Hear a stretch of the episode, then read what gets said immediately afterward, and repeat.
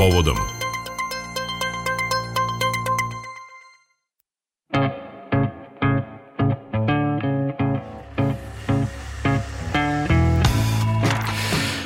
Jedna optimistična populaciona projekcija za Nemačku kaže da bi broj stanovnika te zemlje do 2070. sa sadašnjih 84 miliona trebalo da poraste na 90 miliona.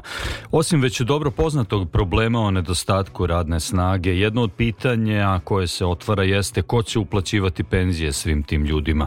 Zbog toga i ne treba da nas čudi vez da vlada u Berlinu priprema novi zakon kojim bi bila udvostručena kvota za privilegovan radnika iz Srbije i zemalja regiona i ona bi iznosila 50.000 radnika e, godišnje. E, mi ćemo danas u povodom prvo telefonski do Bona, gde nas očekuje novinar Dojče Vele, a Nemanja Rujevića. Nakon njega čućemo i profesora doktora Mihaela Arandarenka sa Ekonomskog fakulteta u Beogradu, inače autora poglavlja o migracijama u izveštaju o ljudskom razvoju UNDP-a za 2022. godinu. Dakle, za početak, kolega Rujević, dobar dan. done. Dobar dan, hvala vam na pozivu. Da, a ako se ne varam, agencija DPA je ta koja je imala uvid u nacrt e, tog pomenutog zakona koji se tiče uvoza nekvalifikovanih radnika. E, šta je još poznato? Šta vam govori to e, da se njemačka vlada odlučila na ovaj korak uprkos tome što se već duže vodi politika propusnih granica za radnu snagu iz ovog dela sveta na kraju krajeva i vi i ja smo razgovarali o tome pre, čini mi se, koju godinu? Jeste, pa nije samo agencija DPA gdje su imali uvid, što znači da vlada namerno to pušta u medije, to je praktično gotova stvar. Um, ova kvota koju ste pominjali od 50.000 ljudi godišnje iz zemalja Zapadnog Balkana odnosi se na nekvalifikovanu radnu snagu. Dakle, za ceo svet već u Nemačkoj važi da kvalifikovani radnici, a to znači morate imati neku diplomu, zanat, e, bilo šta, mogu da dođu ukoliko nađu radno mesto. Dakle, to je jako uprošćeno u smislu da vi možete, nađete poslodavca, imate ugovor o radu i sa tim idete u, u konzulat ili u ambasadu, tražite vizu.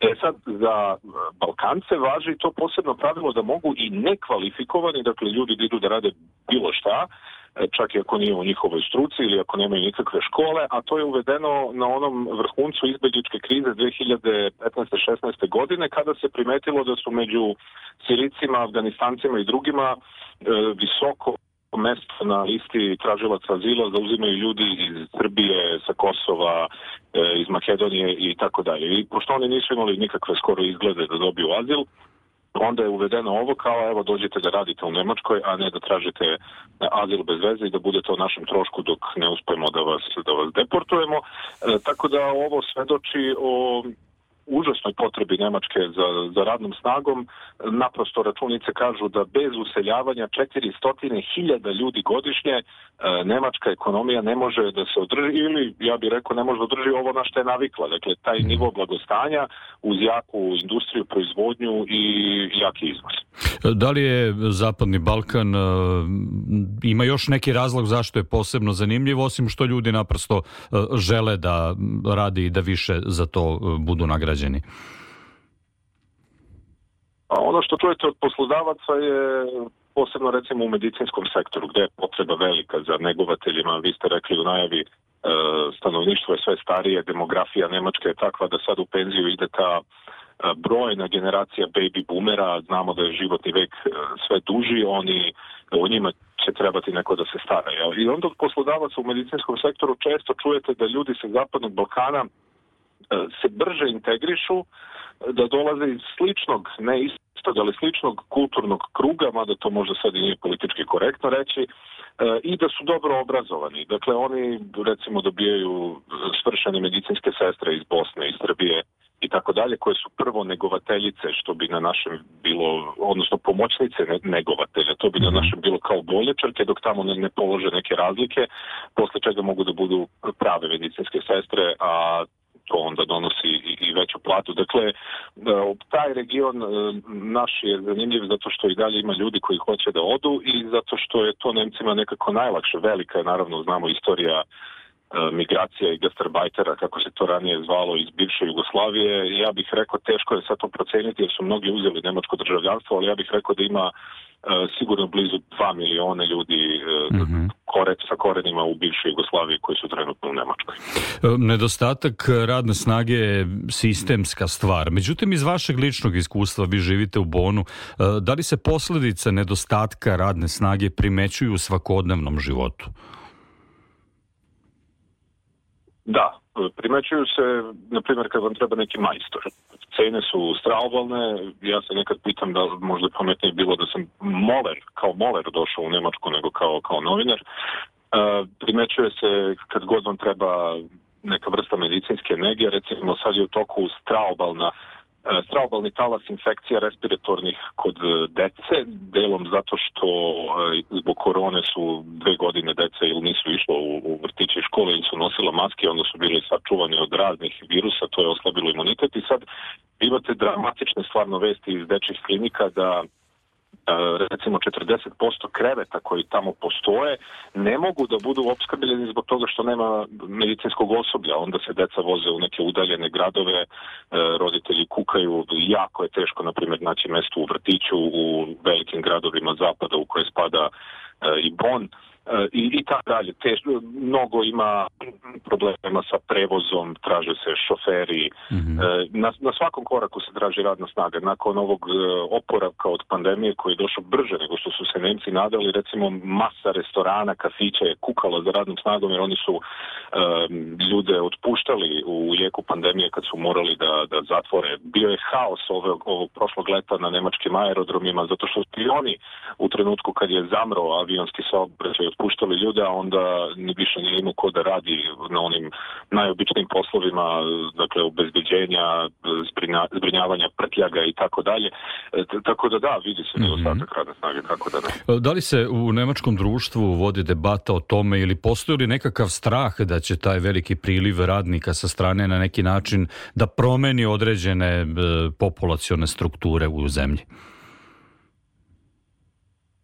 Pa svakako to je jedno od omiljenih e, desničarskih tema, tu se ide e, posebno iz ove desničarske partije AFD sve do neke nacističke terminologije gde se govori o zameni stanovništva e, i tome slično. Drugde se govori na o integraciji, to je čarobna reč, ona je stalno na ispitu, nedavno smo imali ogromne izgrede tokom dočeka nove godine gde su ljudi migrantskih korena, kako se kaže, masovno napadali policiju i vatrogasce petardama i, i raketama za vatre, pa se onda ponovo povela ta debata o navodno propalo integraciju. To je ogromno, ogroman zadatak za jedno društvo. Zamislite vi 400.000 ljudi iz čitavog sveta da vam dolazi svake godine i njih treba mm. sad nekako uklopiti. Plus imate izbeglice čini mi se da, da Nemci malo računaju sa tim da će uh, jedan broj Ukrajinaca da ostane u, u zemlji, uh, mada tu dolaze samo na žene i deca, maslom ili starci, kao što znamo muškarcima je zabranjeno da, da napuste Ukrajinu dok, dok mhm. traje rat. Uh, tako da to je, to je stvarno veliki problem zbog toga što posebno i škole i vrtići kao što rekao imaju manjak osoblja, jako je teško posvetiti se i toj deci koje dolaze E, iz drugih krajeva.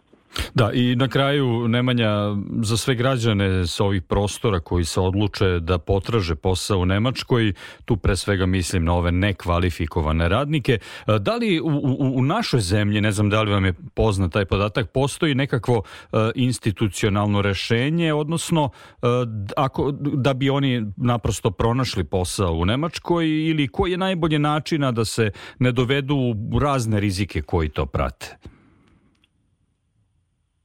Uf, ja sam se time baš dosta bavio. Naši ljudi često misle da u Nemačkoj pare rastu na drvetu i da i, i mnoge stvari ne znaju. Primjera radi ne znaju kada se ovde govori o plati da se govori o bruto iznosu, a ne o neto iznosu. Znači treba prvo platiti poreze, doprinose i tako dalje. Drugo, ne znaju često da nije isto da se oni dosele i da im se doseli porodica. Često porodica mora da čeka godinu ili dve na terminu ambasadi da bi se priključila članu koji je već otišao u Nemačku i, i, i tome slično. Dakle, mnoge zablude vladaju o Nemačkoj i nije ne, mislim da ljudi to sve znaju, da se ne bi baš tako lako odlučivali na taj korak. Što se tiče nekog zvaničnog mesta u Srbiji, ono koliko ja znam ne postoji s tim da naravno može možete lako da se obavestite i na stranicama Nemačke ambasade ili ovog instituta za međunasaradnju. Um, postojala je jedna vrsta državnog provodadžisanja za medicinsku radnu snagu, taj projekat se zvao Triple Win, gde je bilo potpuno nejasno šta Srbija time dobija, što izvozi e, medicinske radnike i zapravo ostavlja rupu u, u sobstvenom zdravstvenom sistemu. Ja sam pre par godina pisao o tome i onda posle toga je e, srpska vlada raskinula taj ugovor Triple Win e, i od tada ne ide više u, u sklopu tog zvaničnog projekta, ne mhm. idu ljudi u u, u Nemačku, a ono na što, kako je neko već rešio da ide, treba da obrati pažnju kad mu se nude te razne agencije za posredovanje radne snage, ne bi smelo od njega da traže nikakve pare. Dakle, kogod vam traži pare, vrlo verovatno da je, da je prevarant. Obično to ide obrnuto da oni dobiju novac od poslodavaca kako bi našli e, radnu snagu, pa bi oni trebalo da pokriju i neke administrativne troškove, čak i učenje jezika u, u, u Srbiji pre nego što se ode u Nemačku. Dakle, ko traži pare, taj je 99% prevaranta. Za povodom Radio Novog Sada govorio Nemanja Rujević, novinar Deutsche Welle srpskog servisa. Nemanja, hvala lepo. Hvala vama na pozivu. Da, evo, čuli smo Nemanju Rujevića, mi nastavljamo ovu našu temu. Moj sledeći sagovornik je profesor dr. Mihajl Arandarenko sa Ekonomskog fakulteta u Beogradu, inače autor poglavlja o migracijama u izveštaju ljudskom razvoju UNDP-a za 2022. U buduće će godišnje do 50.000 ljudi iz Srbije, ali i regiona moći da se zaposli i nastani u Nemačkoj, čak i ako nemaju stručne kvalifikacije. Tako se priprema novi zakon u Nemačkoj. E, kako će to da se odrazi na naše tržište radne snage, ali i na trendove depopulacije? E, pa, pre svega, e, rekao bih da ta te neke zakonske izmene koje su ili već donete ili se pripremaju u Nemačkoj su deo jednog opšteg trenda tamo koji traje već duže. I drugim rečima, te izmene neće dovesti, dovesti do nekog do neke velike promene onoga što je de facto već sada situacija. Ako ste nekvalifikovan radnik ili ste spremni da radite na nekvalifikovanim poslovima, vama su mogućnosti u Nemačkoj relativno velike, odnosno otvorene još od 2015. 16. godine, od kada se i beleži ta neka eksplozija ovaj, odlazaka naših radnika na privremeni rad u Nemačkoj, uglavnom, ako da tako se kaže. Postoji drugi aspekt, a to su e, olakšice koje su vezane za kvalifikovane e, radnike i te olakšice su zapravo dodatno Znači, kvalifikovani radnici su uh, radnici sa fakultetom i radnici sa, uh, sa, sa stručnim kvalifikacijama, znači sa neki, što bismo rekli, ranije visoko kvalifikovani radnici.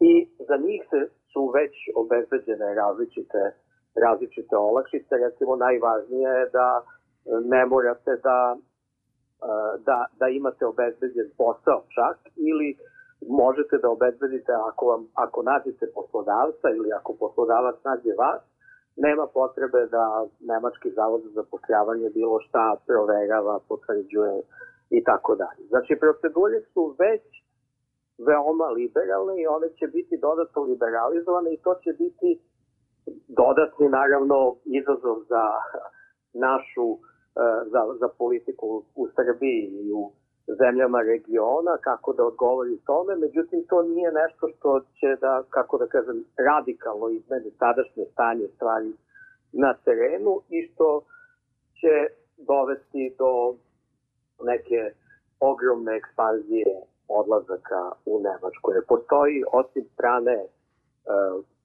tražnje, postoji strana ponude i ta strana ponude naravno zavisi od ne samo od ekonomske situacije u zemljama Zapadnog Balkana, gde su plate nešto brže rasle u poslednje vreme, pa je to verovatno imalo nekog pozitivnog uticaja, nego i uopšte od kapaciteta e, radnog potencijala tih zemalja. I, kako da kažem, oni koji žele, ne žele svi zapravo i ne mogu svi da odu da rade u inostranstvo, Tako da, na neki način, ja mislim da je taj, ta glavna ekspanzija odlazaka se već dogodila i ona se dogodila posle 2015. godine, a da sada, naravno, Nemačka suočena sa stalnom oskudicom radne snage još dodatno olakšava te stvari, ali da e, ponovo glavno ograničenje će biti na strane ponude, ponude na strani oni koji zaista žele da odu i to je dovoljno veliki izazov za, za vladu iz Srbije i ostale zemlje u regionu. E, može li i treba li naša država da utiče na ovaj proces povećane tražnje naših radnika, pre svega u Nemačkoj? Koji su je instrumenti u rukama?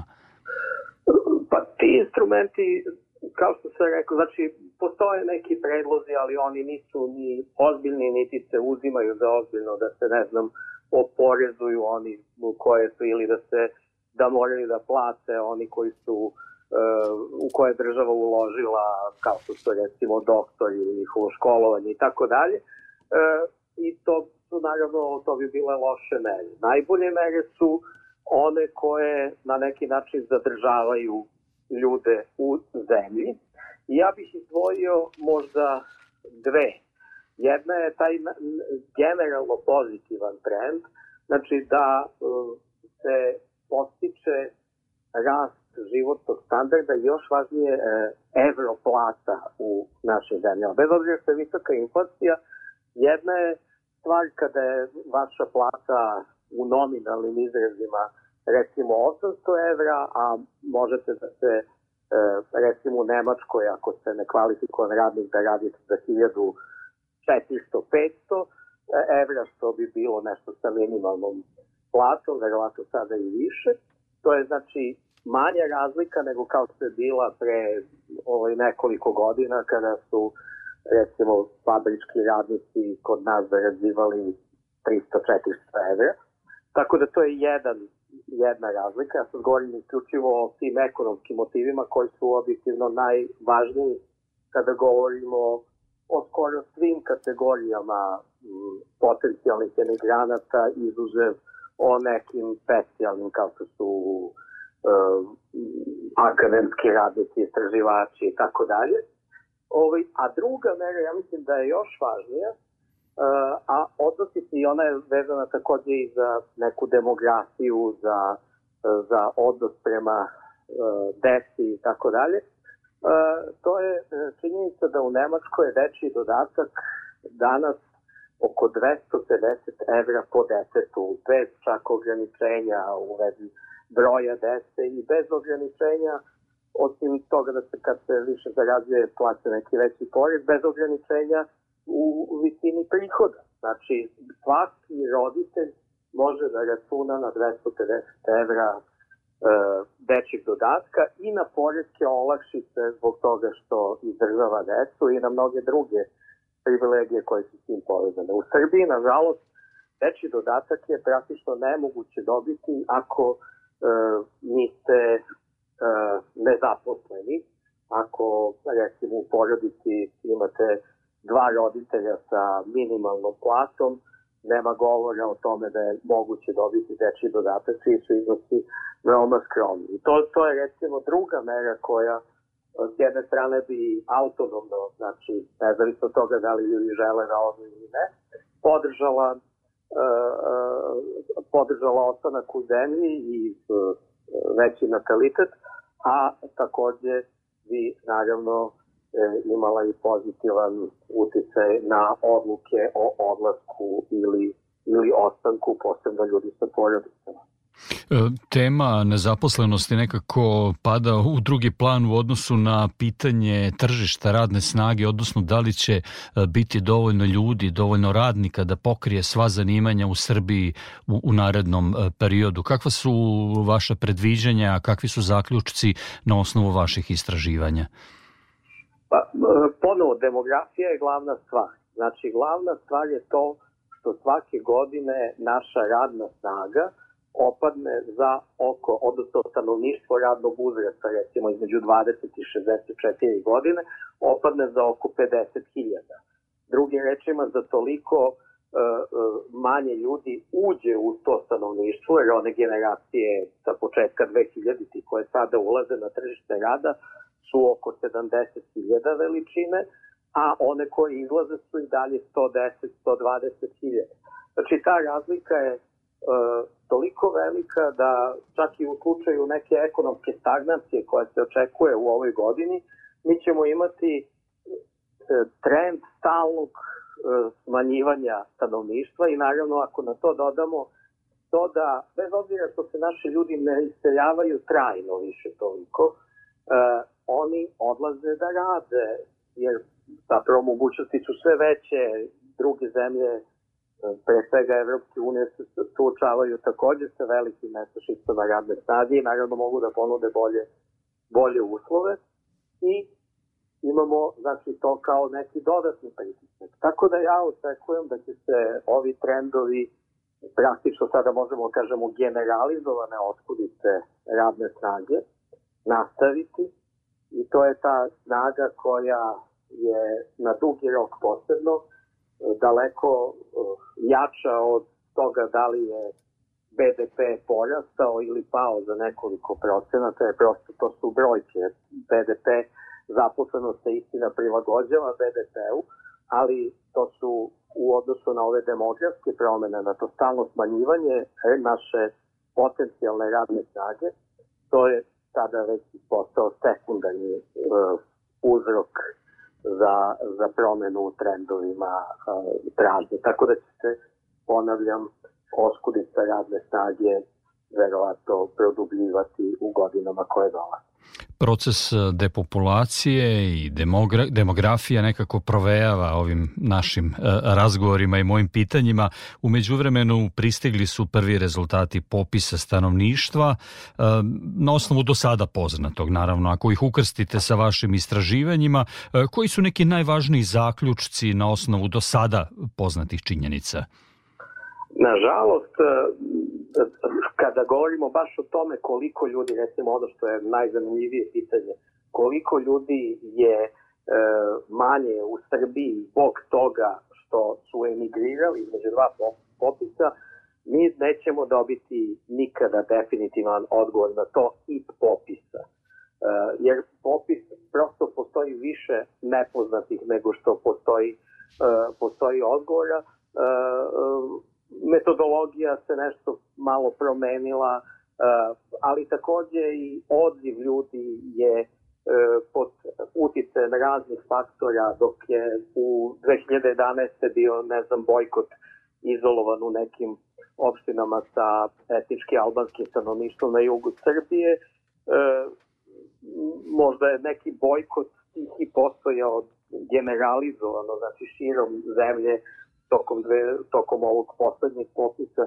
Tako da zapravo mi ne možemo da nismo mnogo pametniji u pogledu uh, eto tog nekog ključ, te neke ključne informacije koliko ljudi je zaista uh, napustilo Srbiju u, ajde da kažemo, neto izrazima, znači oni koji su otišli i nisu se vratili. Uh, to, to teško da ćemo saznati iz popisa. Ono što možemo bolje da saznamo iz popisa, to, je, to su unutrašnje migracije i tu vidimo nastavak starog trenda, ali nekako, znači nastavak trenda u tome da se da su recimo centri, pre svega Novi Sad, interesantno, i Beograd dobili stanovništvo, a da su neki delovi, ovaj, veći delovi ovaj, Srbije izgubili e, stanovništvo, najveći deo, ali e, možda može da se zaključi da je taj, da su te unutrašnje migracije nekako, ne mogu da kažem umerene, ali da se nisu ubrzale u odnosu na period prethodnog popisa. Ja mislim da je to dobro i da je to najbolje što je moglo da se očekuje i da je deo odgovora na to pitanje zašto je to tako je upravo u povećanim mogućnostima za zapošljavanje kroz investicije strane ovaj, koje god u regionima koji su eh, koji su manje na koji su zaostali kao što je pre svega južna i istočna, istočna Srbija. Za povodom Radio Novog Sada govori je profesor ekonomskog fakulteta u Beogradu Mihael Arandarenko. Hvala vam najlepše. Hvala i vama. Radio Televizije Vojvodine. Prvi program radija. Radio Novi Sad.